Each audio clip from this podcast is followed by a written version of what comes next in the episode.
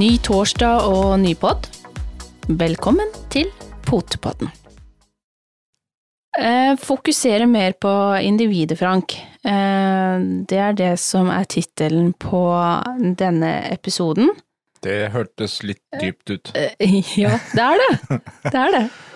Eh, og hva mener vi egentlig med det? Eh, det skal vi komme litt tilbake til eh, etter hvert i eh, episoden. Men først eh, Plutselig så var eh, påsken over. Ja, den gikk eh, like fort som man kom, holdt Eh, jeg Ja. eh, jeg var litt seint eh, opp med påskepynten, men jammen meg så er jeg seint ned med påskepynten òg, for den, eh, den er der fremdeles. Ja, den eh, Og det ser ikke ut som den forsvinner uten at jeg har tenkt å gjøre noe. Nei, han går ikke vekk av seg sjøl, tror jeg. Han gjør ikke det. Men jeg Nei, men håper var, at alle det var en god påske allikevel. Å ja, det var det. Eh, Det ble altfor mye eh, god mat og godteri. Ja. Det, det var ikke planen, men eh, litt skal man jo kose seg, selvfølgelig. Men jeg håper uansett at alle har hatt en fin påske. Eh, Vi hadde også en påskekonkurranse inne på Potepodden.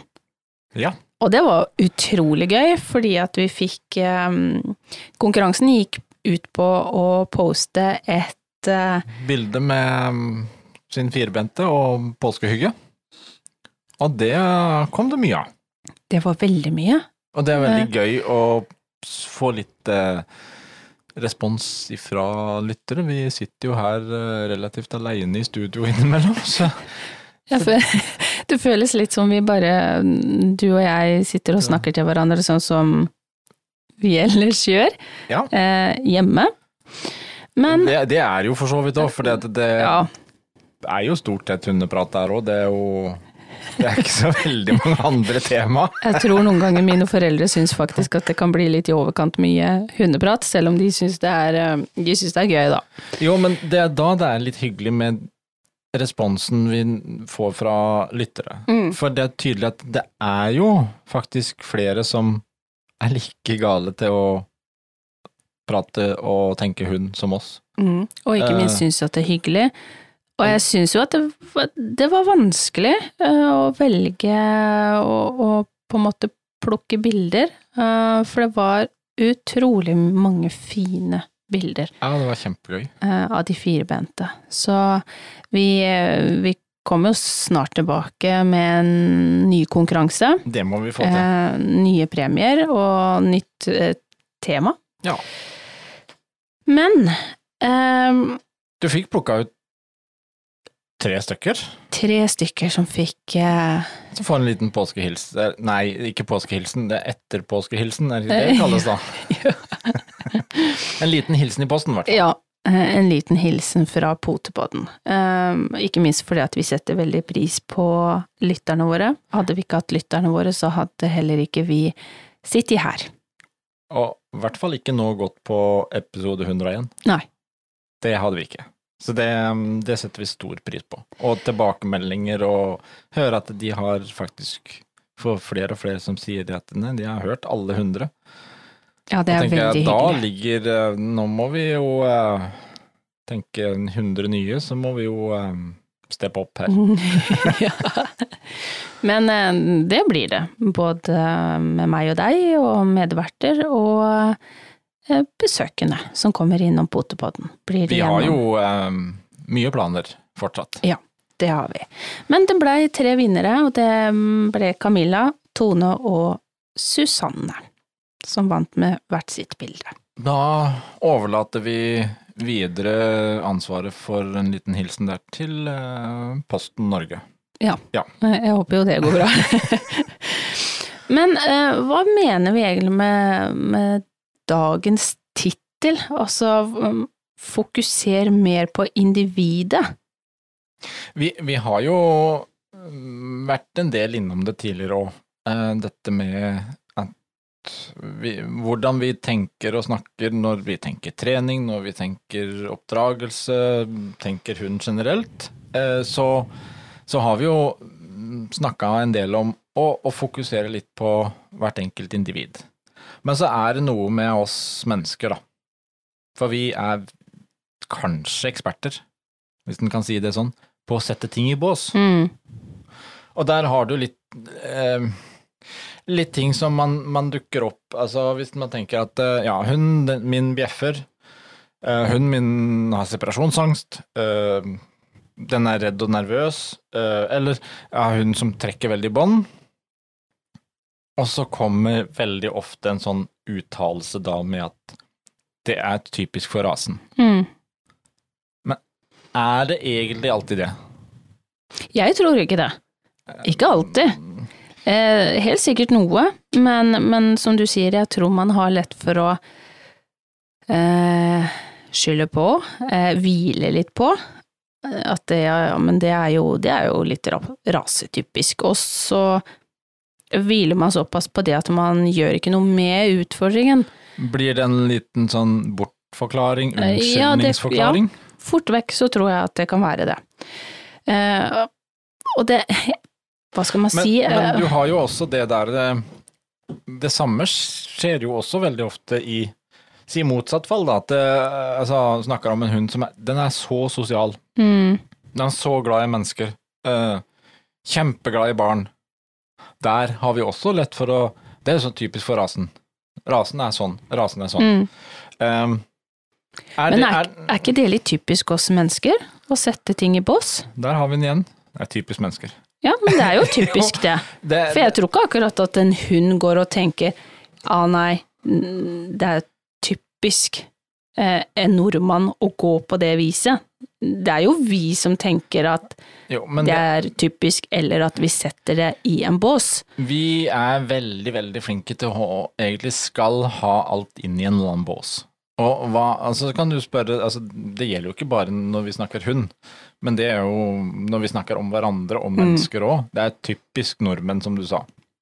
Typisk svenske, typisk danske, typisk uh, et eller annet. Altså om det er hudfarge, hunderase, katter Altså om det er Hva det enn er. Uh, om det er kjønn. typisk kvinnfolk. Det er jo et uh, ja, ja, ja, den, uh, den var litt fristende å komme med. den har jeg hørt mange ganger, ikke, ikke, ikke, at du sier det, det har jeg faktisk ikke hørt så veldig ofte, men Kan jeg få lov å si typisk kjerringer òg? Å, det føltes godt å ha sagt! ja, for det, normalt sett så pleier du ikke å si det. Eh, og det er ikke fordi at jeg har satt munnkurv på det, men jeg har hørt veldig mange som sier 'å, typisk kjerringer'. Ikke sant, hvis man lager litt drama, ja. det blir noen konflikter og ja, typisk kvinnfolk. Det er jo noen ganger det er litt sant i det. Nå syns jeg du er tøff her. Var, eh, var, det ikke hunder vi skulle snakke om? Jo, skal vi gå over til hunden isteden? Jeg syns det er hyggeligere. men, men jeg, det er vel egentlig også litt sånn uh, Vi snakka jo veldig mye om rasetypiske egenskaper, for, mm. for vi snakker jo om hunderaser uh, veldig mye. Og de ulike rasene har jo ulike egenskaper. Ja. Men det vi kanskje vil litt fram til her, er vel at eh, vi har fort for å kanskje dra dette her litt for langt. Mm. Eh, vi opplever jo det når vi i forskjellige sammenhenger trener hunder og hunder og folk, oppsagt, at man får litt sånn Uh, ja, litt, litt, den der at jeg, jeg, har lest at det er typisk den rasen. Og så blir det som, som du sa, litt sånn bortforklaring, litt unnskyldning, litt sånn eh, For å forklare at ja, dette er jo et typisk problem. Mm. men hva Ja, miljø er jo en faktor også som kanskje vi snakker litt for lite om. Mm. Og det Eh, miljøet i seg sjøl, det har ganske mye å si for hvordan eh, valpen former seg i både egenskaper og som individ. Eh, ikke minst perioden som valpen er hos oppdretter, de mm. første åtte ukene. Og så kommer det jo en ny epoke der hvor de skal flytte inn til sine nye familier hvor de igjen blir forma av miljøet.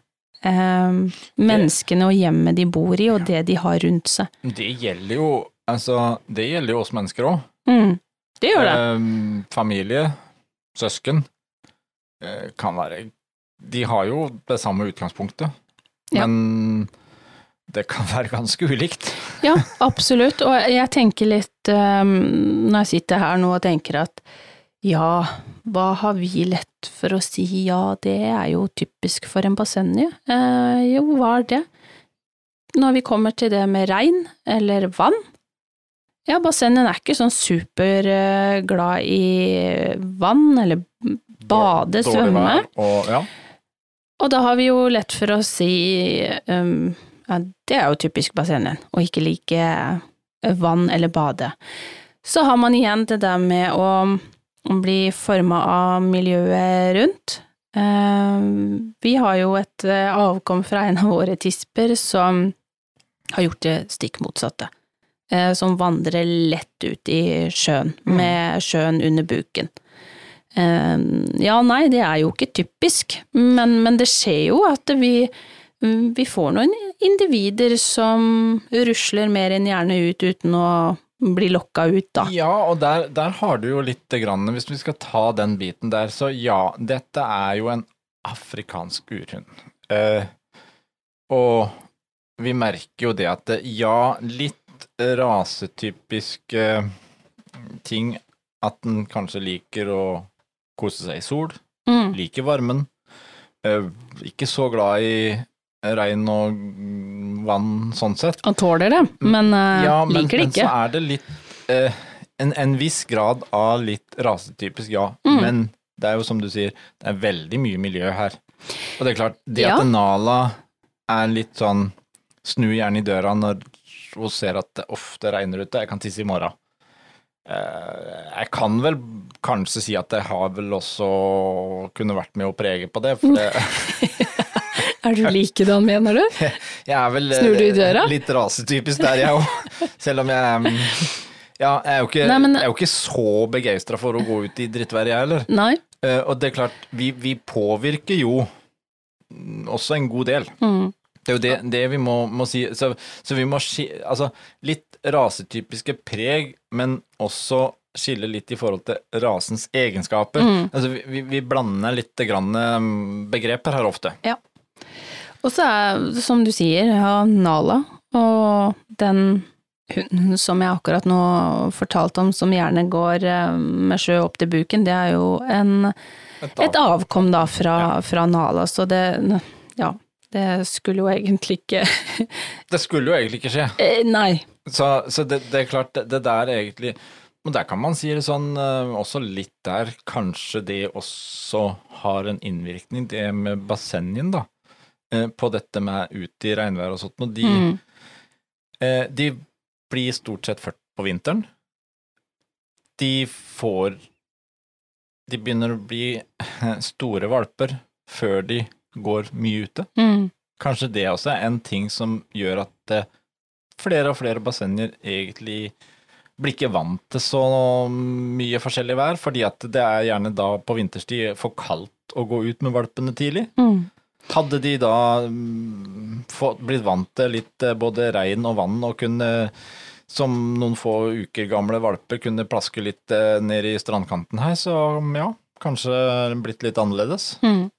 For det, det er jo nettopp dette her med miljø som også er en vesentlig viktig faktor. Det er det absolutt. Vi kan vel dele det Hvis vi skal si det sånn når det er snakk om hund Du har Hvis vi deler det kanskje i litt tre ting, da. At du har rasen og dens egenskaper. Det er jo noe vi snakker mye om i forhold til når vi skal velge hund, velge valp. Eh, Finne en Hva slags type hund har du lyst på? Mm. Så har du individet og gener, altså mm, hvordan mm, oppdretter, hvordan, hva slags linjer det er, hva slags linjer og egenskaper de har. Det er én ting. Og så er det jo da til slutt din egen hund. Eh, den er Uansett rase, uansett hvor han kommer fra, så er det et helt unikt individ, den ene, Mm. som da er prega av deg, miljøet, hvordan du har trent, hvordan du har sånn. Og det, det kan vi jo se på eh, våre òg, som egentlig eh, Si Tinka Luna, vi kan jo se litt nærmere på det òg. De er søsken, vokst opp helt likt, sånt noe, men de er ganske så ulike. også. Mm. I personlighet så er de ganske ulike. Og på hvordan de eh, responderer, og hvordan Mm. vi kommuniserer med de, så, så må man gjøre en del ulikt. Mm.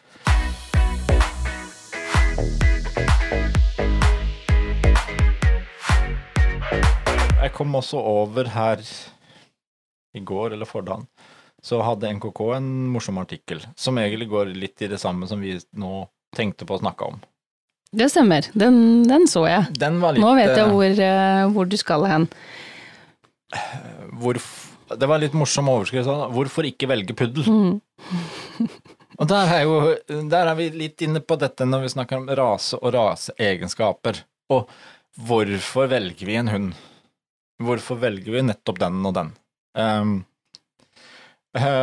og det er litt sånn labradoodle, cockapoo og maltipoo og holdt på å sagt doodly-doo. Det, det dukker opp masse fancy navn, Ja. som vi også snakka om tidligere, og det er litt sånn presentert som nye spennende raser, men eh, nei. De er blandingshunder, men de har et felles trekk. Og det var det som egentlig var morsomt med artikkelen her. Vi skal ikke diskutere rasehund, ikke-rasehund og blanding og alt det der. Vi skal egentlig se på liksom hva er fellestrekket her? Og det er at det er puddel som er blanda med noe annet. Mm. Og eh, når jeg også så den artikkelen, så var mitt første spørsmål um, hvorfor akkurat puddel? Ja, det, det Hvorfor er det fellesnevneren? Ikke det at jeg har noe imot puddel, for jeg syns de er eh, kjempefine, eh, helt nydelige, i alle størrelser. Men jeg er bare liksom nysgjerrig på hvorfor puddel? Hva er det som gjør at den liksom eh, blir litt sammensveisa med andre raser, da? Det er liksom en haug av disse her nye såkalte designer-fancy navna, så har de fellestrekk. Alle har en puddel i seg, på en måte. Mm. Um, og det er klart, um, ja Men så, så står det jo i det at um, eh, puddeleierne, de skjønner jo hvorfor. Og, og det, det var litt det med overskrifta der, altså. Hvorfor ikke da velge en puddel? For det er jo uh, Hvis man skal se på hvorfor puddel er blanda inn, så må det være noe Det må jo være noen egenskaper fra puddelen som da mange søker. Mm. Men da ville jeg jo heller ha valgt en puddel. Ja, og så lurer jeg på hva Hva er eh, Hvilke egenskaper, eller hva er galt med puddelen, siden du ikke vil ha en renrasa puddel? Nei, eh, det Jo, går, det går veldig mange det- det tanker blir, i hodet. Det blir noen spørsmål her som egentlig er litt sånn, og det er klart, der går det nok eh, litt forklarende på eh, mote, eh, Mm, søk etter noe nytt, altså det blir presentert som noe nytt spennende rase, og så er det jo klart, hvis du ser litt på, puddelen er, um, blir kanskje ofte sett på som uh, litt utstillingshund. Mm, på grunn av pels og Ja, og, og når du ser de fine pudlene med de fine frisyrene og sånt nå, eh, skal jeg innrømme sjøl at jeg tenker at vet du hva, det der er ikke noe for meg. For jeg, Det ligger mye i jobb. jeg er ikke skapt for å sitte og klippe sånn stadig vekk. Det klart, men det må du jo heller ikke. Men så har du den biten at eh, puddelen ikke røyter. Mm. Og det er jo, hvis du ser gjennom alle disse her uh, Dudley-poo-markedsføringene, så går det jo nettopp på litt mye på allergivennlig, og at den ikke røyter. Ja. Men altså, det som er litt morsomt, er jo at altså, som puddel så har du fire forskjellige varianter å velge mellom der. Mm. Du Stemmer har eh, storpuddel, mellompuddel, dvergpuddel Og det jeg prøvde å si i stad var lekepuddel, men det var toypuddel. Toypuddel. um, hvis du ser på um, rasebeskrivelsen på de forskjellige, her har vi alltid fra det som karakteriseres som storhund, til liten hund. Mm. Bitte liten hund. Ja, bitte liten. Så ok, du, du, du kan velge puddel og, uansett størrelse du vil ha. Eh, felles for de er at de Det er en, en lett omgjengelig rase, hvis en skal si det sånn. Den eh, allrounder. Eh, den kan brukes til mye. Um, uten at jeg har erfaring, men den høres jo ut som den er forholdsvis enkel å samarbeide med. Mm. Og det presenteres jo også, hvis vi ser på rasevelgeren til NKK, så står de nettopp der som eh, både på medium og høyt på samarbeidsvilje. Eh, og de, som sagt, eh, et middels aktivitetsnivå. Så det er jo litt, noen sånne faktorer som for folk flest Mm. vil passe bra.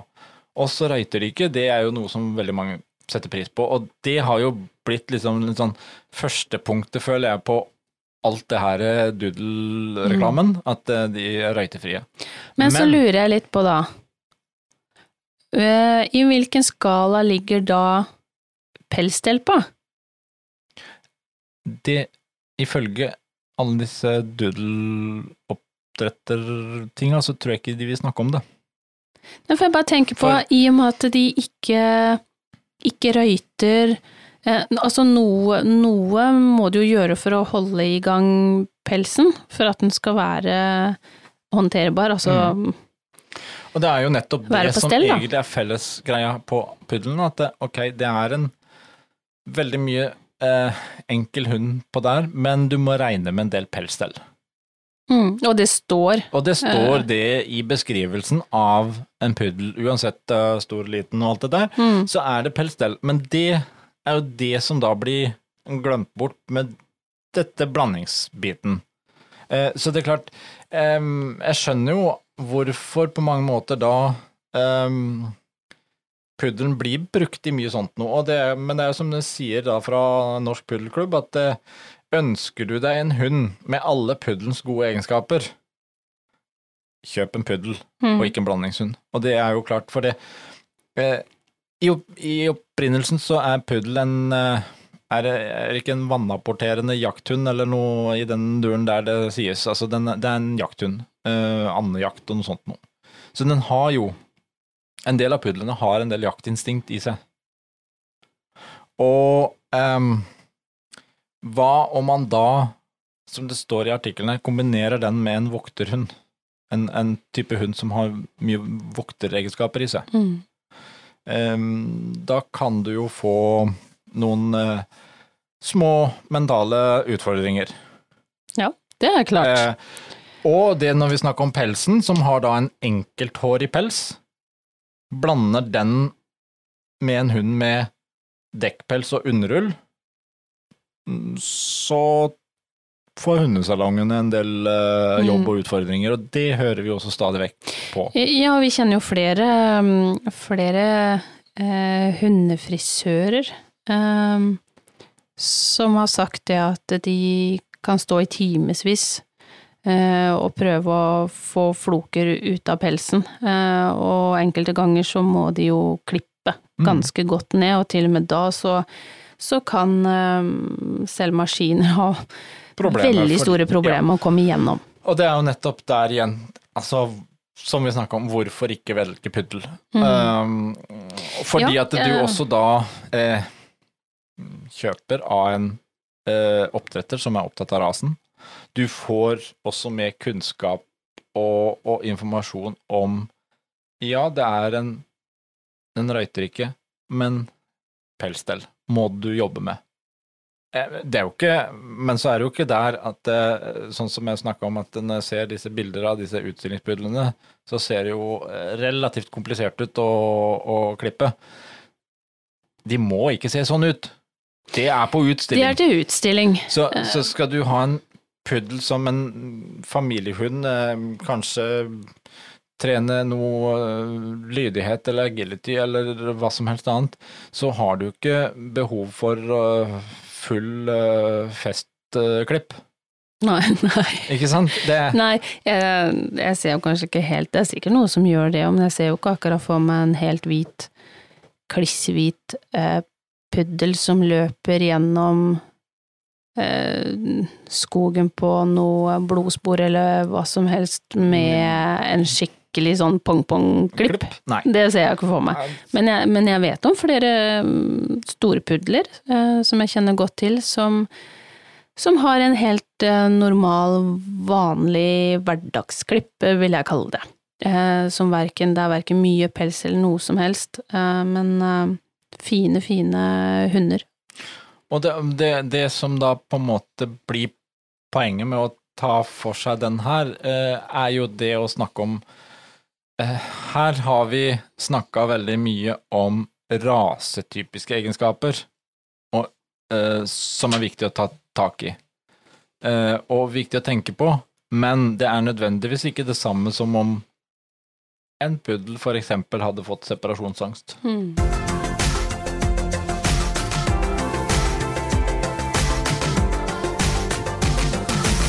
Hvis vi skal tenke videre på det vi starta med her, individet. Det kommer vi innom hver gang vi snakker om uansett nesten hva slags trening det er, fordi vi, vi må tenke på å tilpasse til den hunden vi har. Mm. Og lære mer om å lese vår hund. Um, og, og eh, gjøre mer ut av selve individet. Og ikke bare tenke at nei, men det er rasen som er sånn, så Mm. det er det er bare å gi opp. Men vi har, eh, vi har en del spørsmål, og, og mange av spørsmålene går igjen i det samme. Ja, uansett hva slags eh, spørsmål når det gjelder trening, utfordringer, eh, som vi sier, om det er alene hjemme, om det er passering, om det er eh, trekker i bånd og litt sånt noe.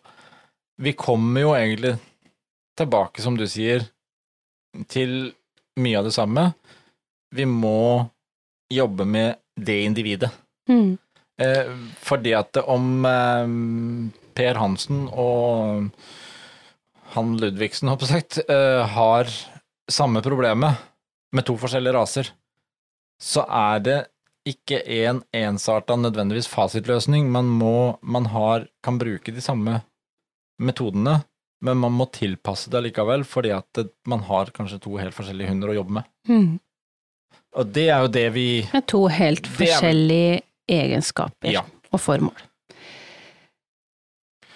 Um, det er litt sånn Vi kan jo igjen bare ta uh, eksempelet. Folk er sikkert dritlei av å høre om Basenji og våre hunder. men, men det er litt Vi kan lett ta den samme der. Vi har fem stykker hjemme. Eh, du trener jo heller ikke de likt. Nei. Eh, hvis vi skal ta de, da, så er de Det er bassenget alle sammen. Eh, de har veldig mye av det samme hm, familiære slektsbiten av gener.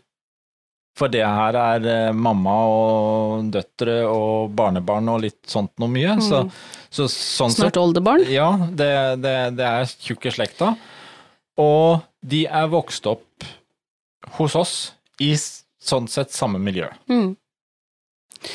Nei, de, de, enten om det er um, utstilling, uh, båndtrening, eh, om det er hverdagslydighet, så, så må de trenes helt ulikt. Eh, noen av de er litt mer eh, gira på å jobbe for en godbit, Eh, noen har lengre fokus, noen er litt kortere fokus. Alt etter både individet og alder. Og jeg ser jo bare sånn som, som du sa Hendy, i stad, Tink og Luna er to søstre, som man kanskje tenker at man De er ganske like. Ja, de er ganske like av utseende, men en har fått litt mer pappa, en har fått litt mer mamma, og jeg kan ikke trene de likt. Eh, Det, det som Måten jeg trener Luna på, ville ikke nødvendigvis ha funka veldig, veldig optimalt for Tinka, eh, sånn at hun kan lykkes i, i det vi trener. Eh, Tinka er litt mer der at du, du kan Nei. Og hun bare ok, det var dumt, liksom. Luna er nok litt mer sånn Luna, nei, nå er det nok. Og Luna sier ikke sånn ok, så fort. Eh, nei, hun er litt, litt mer litt mer sånn- opp med langfingeren eh, og tenker at eh, mm, jeg driter i hva du sier. Jeg prøver en gang til. Eller dette mener du ikke helt egentlig. Ja, Og så prøver hun å sjarmere seg inn i en litt sånn logrende hale. Ja. Jo, men det Så, så de, er, eh, de er ulike, og det er jo som vi har snakka om tidligere, at eh, Soline, ja, hun har ikke funnet på så veldig mye sprell. Hun har alltid vært veldig lugn og nedpå. Og så har hun da søskenbarnet sitt eh, Stella, som er høyt og lavt, Mm. eh, og gir en del grå hår. sånn at de, de kan heller ikke trenes helt eh, likt, selv om de er søskenbarn. Altså, de har to mødre som er søstre, men man ser jo liksom her at eh, det er ulikt. Samtidig så kan man jo se at ja, har Stella likheter. har noe som plutselig har poppa opp hos Stella, som jeg kjenner igjen fra Nala. Mm. Jo, og det, det er klart, der har du det der vi snakker om med eh, eh, rasetypiske egenskaper og individer. Mm. Eh, fordi at det, vi eh, Det er mange ting vi støter borti daglig som liksom bare Ja, ok, altså Du nesten så du lurer på er det egentlig samme rase, dette her? Ja. Eh, men, men Så det er viktig å tenke på å, å se an individet, og det mm, Vi må litt grann vekk ifra denne her båsbruken. Skal vi kunne klare å trene og oppnå det vi har lyst med hund. Mm. Og så er det jo klart, du har en annen ting òg. Som, som mange sikkert også kan kjenne seg igjen i med å, når de har fått hund nummer to. Mm. Uh, Ja, Av samme rase. og det trenger absolutt heller ikke å, å være likt, og absolutt ikke at man trener de likt. Uh, Jeg kan jo si det at Nikita, som nå går inn i sitt uh, 14. år, eh, har alltid vært eh, lugn, veldig glad i mennesker og andre hunder. Eh, er egentlig veldig utypisk rasen. Mm. Og så har du da Nala, som er veldig mye mer rasetypisk i egenskapene sine. Eh, liker å bruke litt tid, noe møte folk, eh, eh, ser det litt an. Eh, og de òg, altså Nikita har jo en steinvilje, men på en, en fin måte. Og på en annen måte enn det Nala har. Nala er Ja. nok mer lærevillig, men jeg vil jo ikke akkurat si at um, det er typisk for rasen å være eh, Hva skal jeg si eh, ikke så lærevillig. For Nei, at det flere av eh, våre er ganske, ganske Der har du også en, eh, et godt poeng, for det er jo en, en eh, Hva skal jeg si, jeg, jeg vil kalle det en gammel myte. At bassenget er ikke en hund du kan lære til noe. Mm. Eh, Det er jo nesten sånn det skrives en del plasser, og det er jo Og det er vel kanskje det spørsmålet vi får mest når vi snakker med, med mennesker som er interessert i rasen, så, så er det det, men vi har lest at de, de kan jo ikke lære noe. Det er de ikke noe gode på. Eh, og så tenker jeg ok, ja. Det er i hvert fall en eh, Det er en, eh, kort og godt en gammel myte. Mm. Eh, og det, men det handler om Da handler det litt også egentlig om eh, rasens egenskaper, som gjør at man må tenke litt annerledes.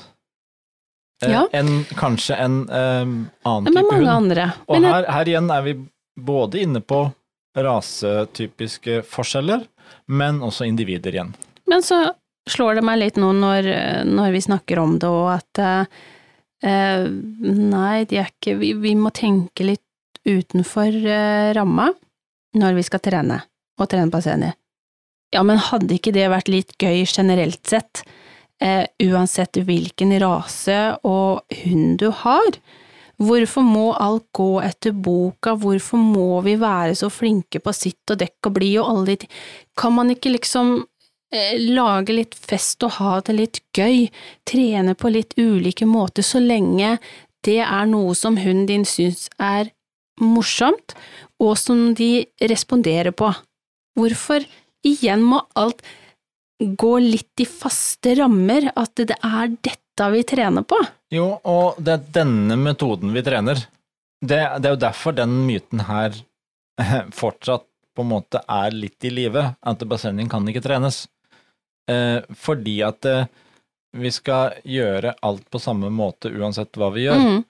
Eh, og derfor er vi jo egentlig god litt sånn konklusjon på det vi snakker om nå. Tenke mer individ og relasjon til det individet. Mm. Eh, se mer på hunden som et eh, individ på fire ben. eh, uavhengig av farge, størrelse, pels og alt sammen.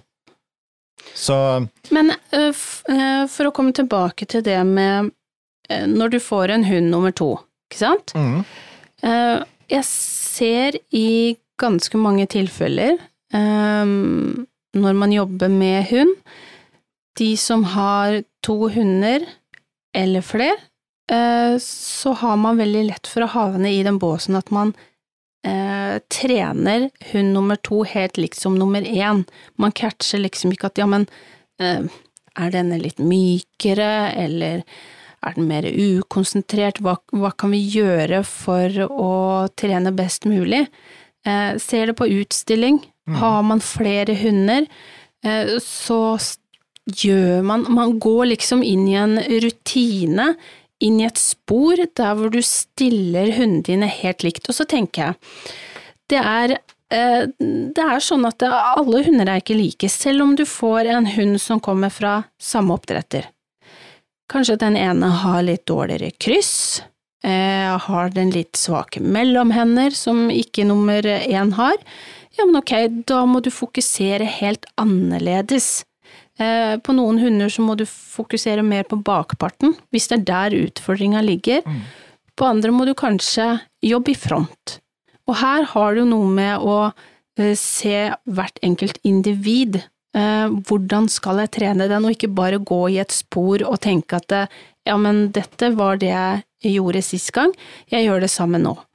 Og så utvikler man seg jo selvfølgelig fra nummer, hund nummer én til nummer to, og dermed så vil du også sitte på mer erfaring, og forhåpentligvis kanskje gjøre ting også litt annerledes. Og du har eh, der, der har du igjen det der som med oss mennesker, vi har veldig eh, lett for å sette ting både i bås og i et system, og sånn har vi lært, sånn skal vi gjøre, og vi, vi, vi går veldig fort i litt rutinegreier. Mm, Og det er klart, hund nummer to eh, Både på positive ting og negative ting, så kan det også være det kan, Så kan hunden også ta etter den store.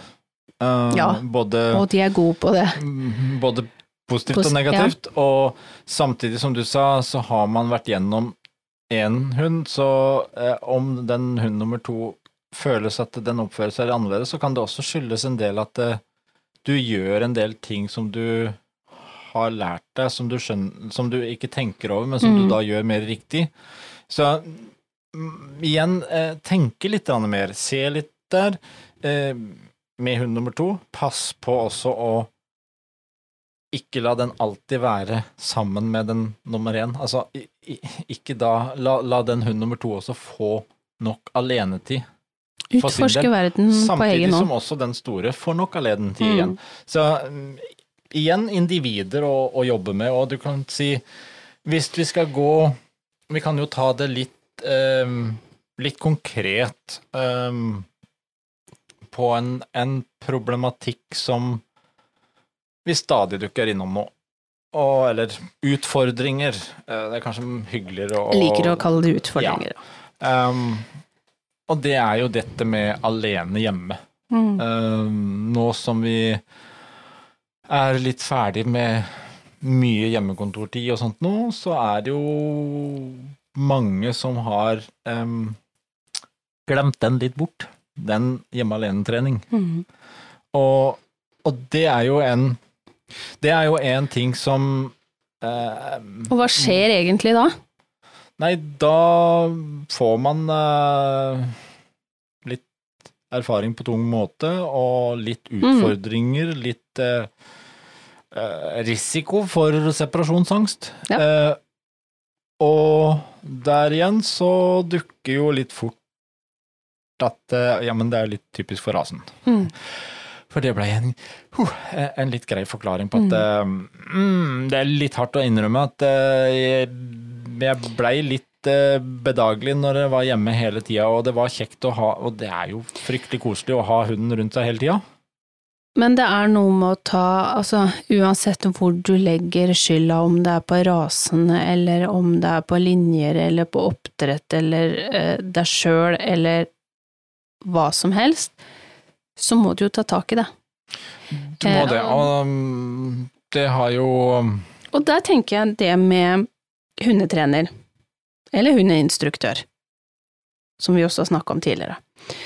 Eh, her handler det kanskje litt om, som du spøkte om litt tidligere, ja, burde det egentlig hett eh, hundetrener eller hundeinstruktør?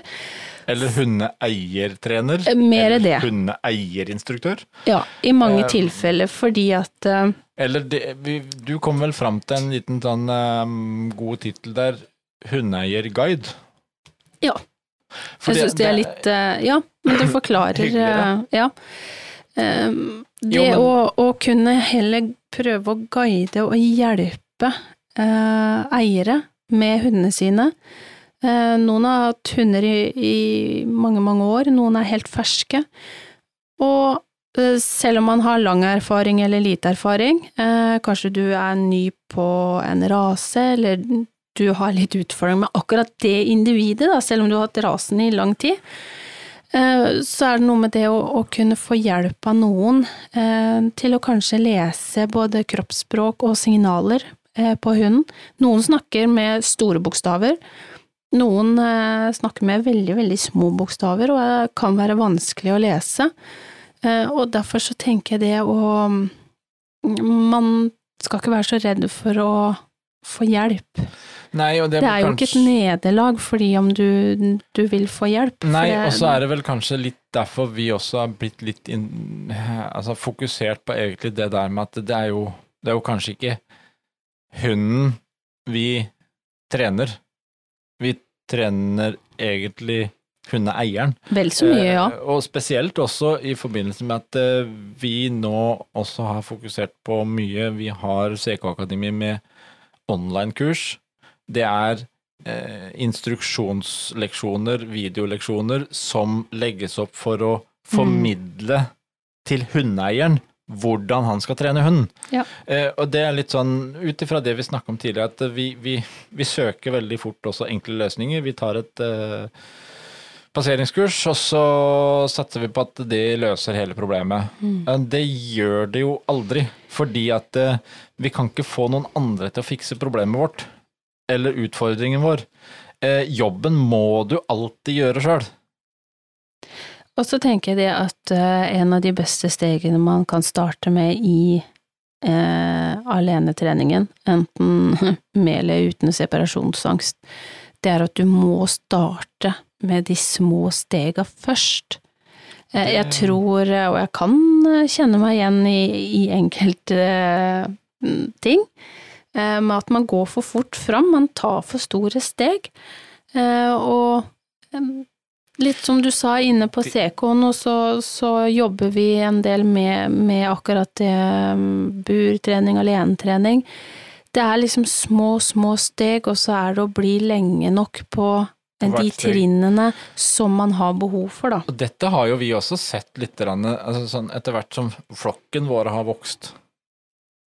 Eh, så kan man ofte se også litt det at ok, vi var vel kanskje flinkere på nummer én, to i flokken til å trene de forskjellige litt mer små step enn nå som flokken er større, men, men mm. vi, vi må ta oss ofte sammen litt for å på en måte bare huske på at det, sånn som Stella da, som er siste på stammen her, at vi tar kanskje litt større steg der, og hopper litt fort over noe, fordi Mm. at ja, men det fungerer jo inni flokken. Og, Og det klart, er, jo, det er jo egentlig veldig dumt, fordi at det er urettferdig det for kom- oss, og det- det er urettferdig for Stella. det kommer utfordringer, og hvor du også til syvende og sist egentlig må innse at eh, shit, her må jeg gå fire steg tilbake, istedenfor å holde lite grann igjen på si trinn to, da, Mm. eh, og jobba seg godt gjennom den og kjenne at ja, det her sitter, dette er, dette takler hunden. Eh, Istedenfor å rushe, og så må du tilbake igjen. Det jo- Eh, det For det er klart at det er vanskeligere kontra det å legge god tid um, i hjemme alene med en, en ung valp, kontra å plutselig sitte med en toåring som har separasjonsangst. Det er ganske mye tyngre. Man kan jo ta det som et eksempel da om man har planer om å bygge et hus. Kjempefint hus. Og så er man så ivrig at man eh, etter å få det huset ferdig, så man slurver litt med grunnmuren. Mm. Så klart at det hjelper ikke hvor fint og kult og stilig det huset blir, fordi at det, i løpet av ganske kort tid da, så vil sannsynligvis den grunnmuren eh, gi etter. Vi, vi blei veldig litt fokusert på det, som du sa, nå i påska, når vi, vi holder på å gjøre ferdig litt sånn Mm. alenetrening i fire trinn, fordi at nå har det vært mye fokus på det, mye spørsmål om det, og Vi har fått Eh, veldig mye spørs spørsmål akkurat rundt det med alenetrening og separasjonsangst. Og det å klare å eh, bygge det om til en rein online-bit som gjør at eh, du kan sjøl følge litt leksjoner og klare den treninga sjøl. Mm.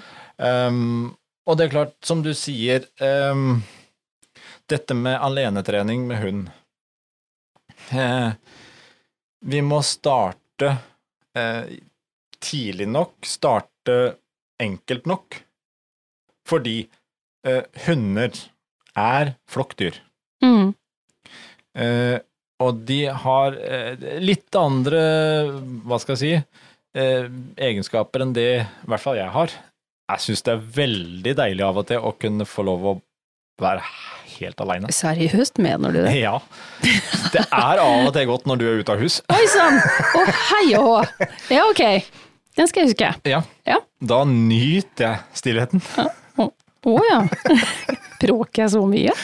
Nei. Nei. Men, men det er litt med det der at vi mennesker Ja, men vi- det er godt vi, å ha litt vi har av og til eh, behov for absolutt litt sånn fred og ro alene. Mm. Og vi, de fleste av oss i hvert fall, nyter det. Ja. Men det vi glemmer òg, er at hunder er ikke sånn skapt. Det er flokkdyr, de trives i flokk. De, de har ikke verken det behovet eller den trangen til å være aleine. Mm. Eh, der, det er det første vi må starte på. Og så er det jo noe som gjentar seg litt når vi mm, snakker med ulike og skal hjelpe til med trening, og høre hva de har gjort. Men de har prøvd masse forskjellig. Mm. Uh, men hva har de? Jo, um, prøvd å vært gått ut en kort stund. Gått inn i et annet rom. Men det blir bare uro og bråk og bjeffer og piper og sånn. Mm.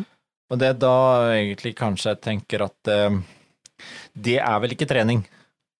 Det er vel mer en test. Mm.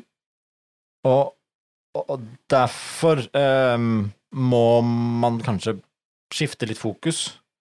For det er jo litt som å hoppe på en eksamen uten å ha fulgt med i timen eller tatt eh, Ja, det kjipt. studiene. Eh, og det er klart, det er en grunn til at vi, hvis du tenker sånn, i, i skolen har timer med undervisning, vi har hjemmelekser, og man har prøver før man har eksamen. Altså, hvis man tenker på den gangen der, ikke det at jeg var, Eh, jeg var ikke så Hvis jeg tenker på den gangen der, så kjenner jeg at jeg blir litt, eh, rett og slett litt uvel og kvalm, for det, Ja. jeg er ikke klar for det der. Jeg er ferdig med det. Men, Nei, men jo, jeg, men jeg, jeg skjønner poenget. er, du, er, Um, er, er det kanskje litt der vi er litt sånn det, det, det, det der er ikke noe hyggelig å tenke på. Nei. Er det derfor vi også kanskje har fort for å hoppe litt for fort til den med prøve og teste, og mm. ikke klare å ta de trinna godt nok? Men det er jo, selv om ikke tenk, altså hunder tenker eh, likt som oss, da, men eh, sett et lite bilde på det. Eh, på lik linje som at jeg kjente jeg blei litt, eh, faktisk litt uvel, eh, når du sa både skole og, og lekser og eksamen og hele sulamitten.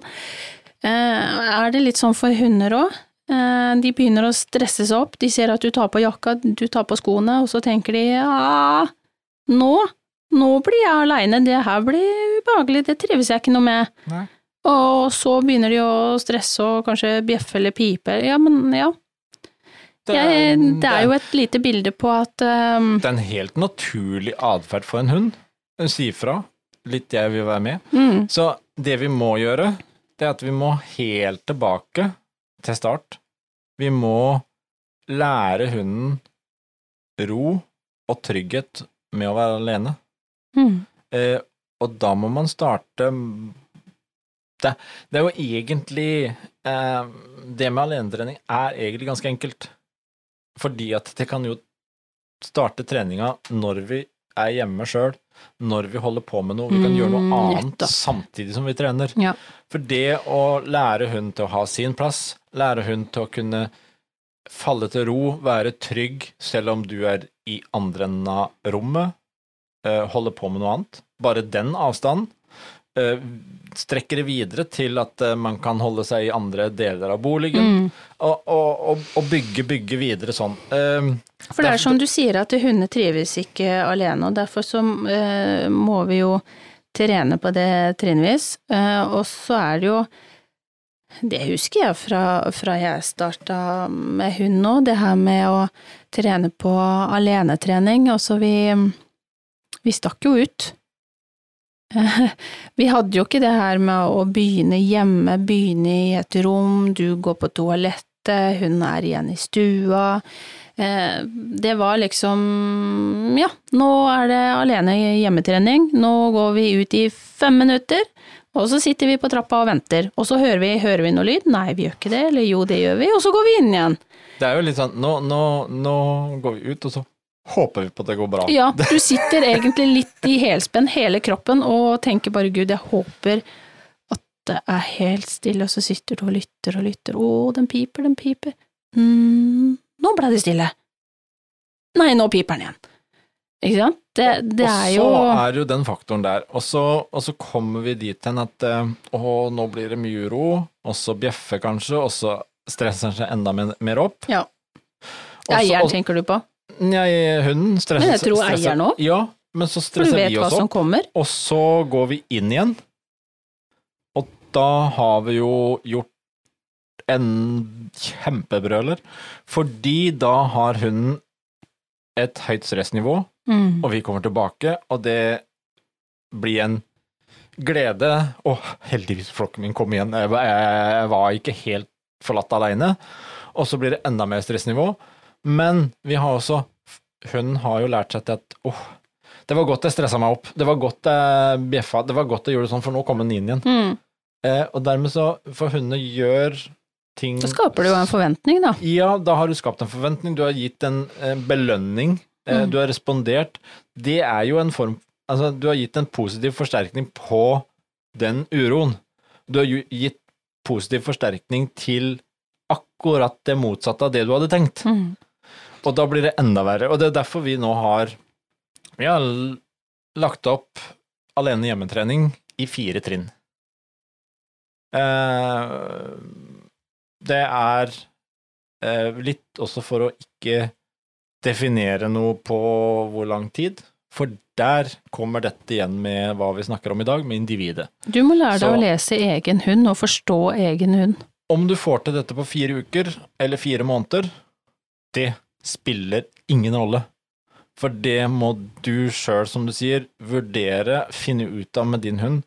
Eh, vi prøver å gi gode nok instruksjoner på at du skal være lenge nok på hvert trinn til at du har tryggheten til at ja, men nå kan jeg gå til neste trinn, øke vanskelighetsgraden, eh, gjøre endringer som gjør at ok, nå bygger vi, bygger vi stein for stein. Mm. Og ja, det skal bli spennende å få gjort den ferdig nå. Eh, nå er det siste biter. Ting er jo på en måte testa ut, men vi, vi, vi merker jo det at man må gjøre litt annerledes når man ikke kan fysisk stå opp direkte og prate, så Mm. må man vise litt mer. Men jeg tror egentlig det viktigste her, det er å trene lenge nok på hvert trinn, eh, alt etter hva din hund trenger. Um, og det er ikke noe poeng å rushe. Legg et godt, godt grunnlag.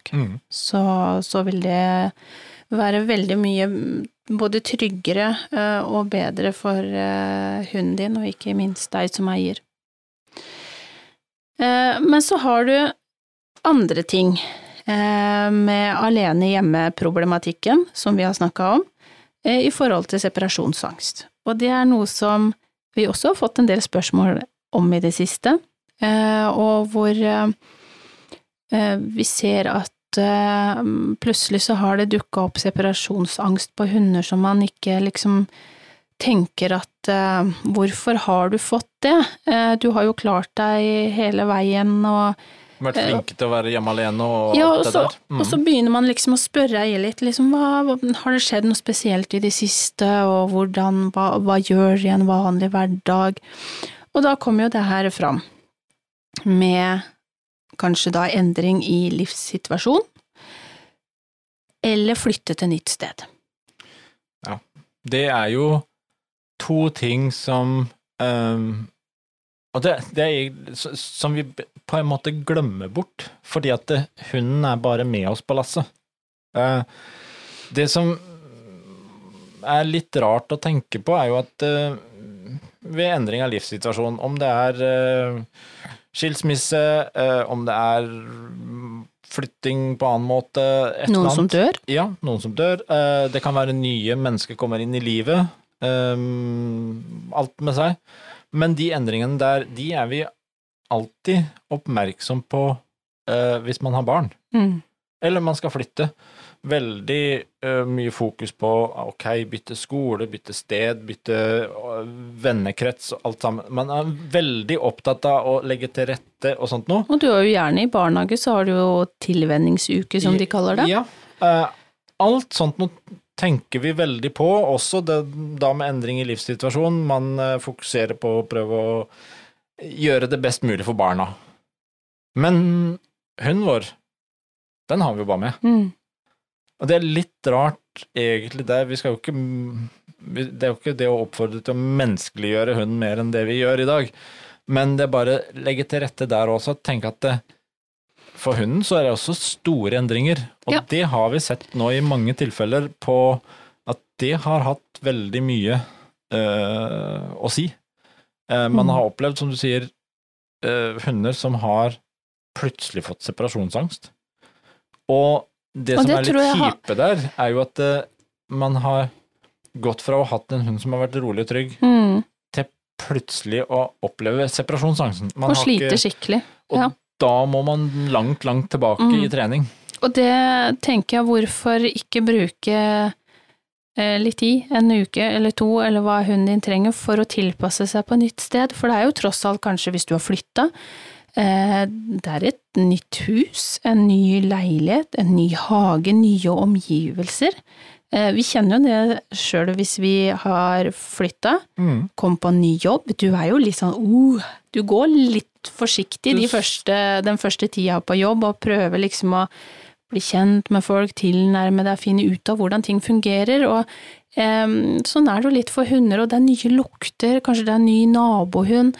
eh, det er et nytt hus, kanskje det er Har du gått fra leilighet til hus? Da er det plutselig veldig mye mer å passe på. Eh, så litt tilvenning. Jeg tenker at det er ikke bare, bare å flytte, her må vi gjøre litt for hunden nå. eh, For å klare å, å unngå separasjonsangst, for nå har vi hatt opptil flere tilfeller som, som det viser seg at man har flytta til nytt sted, da. Eh, Og det har vært eh, hunder alt fra ett år og to og fire og fem år som plutselig har fått separasjonsangst, og som, som ikke har hatt noe med det her med koronaen, at de har vært mye hjemme eller eh, hjemmekontor, men det er et nytt sted. Mm. Og det er klart at eh, det å huske på Der er vi inne på å, tenke da eh, individet og tenke på alle familiemedlemmene Mm. på, på, på lik linje. At eh, man, man må ha en tilpasning. Vi må kunne formidle til hunden at eh, ja, nå er det her du skal bo. Og, og måten å gjøre det på, det å, det å da si at ok, nå skal, nå skal han finne tryggheten på et nytt sted, så må vi gå litt tilbake. Mm. Det Men kan vi ikke ta en liten oppsummering på Nå har vi vært gjennom mye.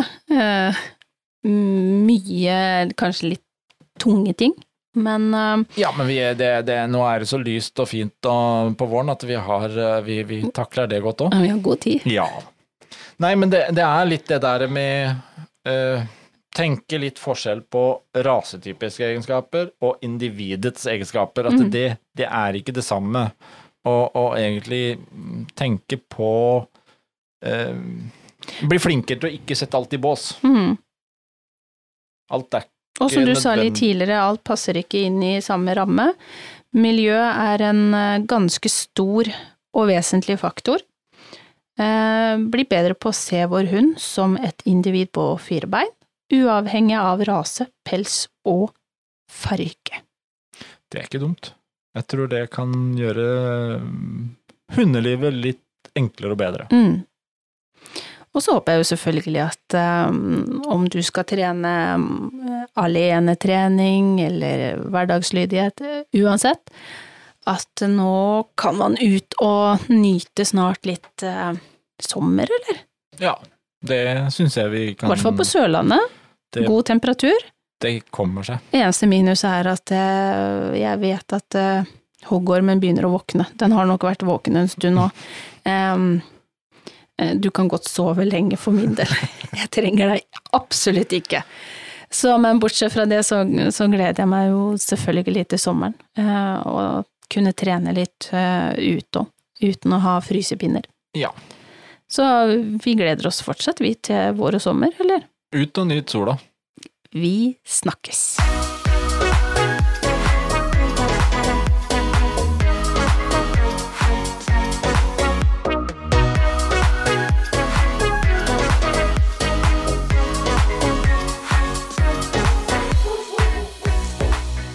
Potepodden, firebent prat laget av ckakademiet.no.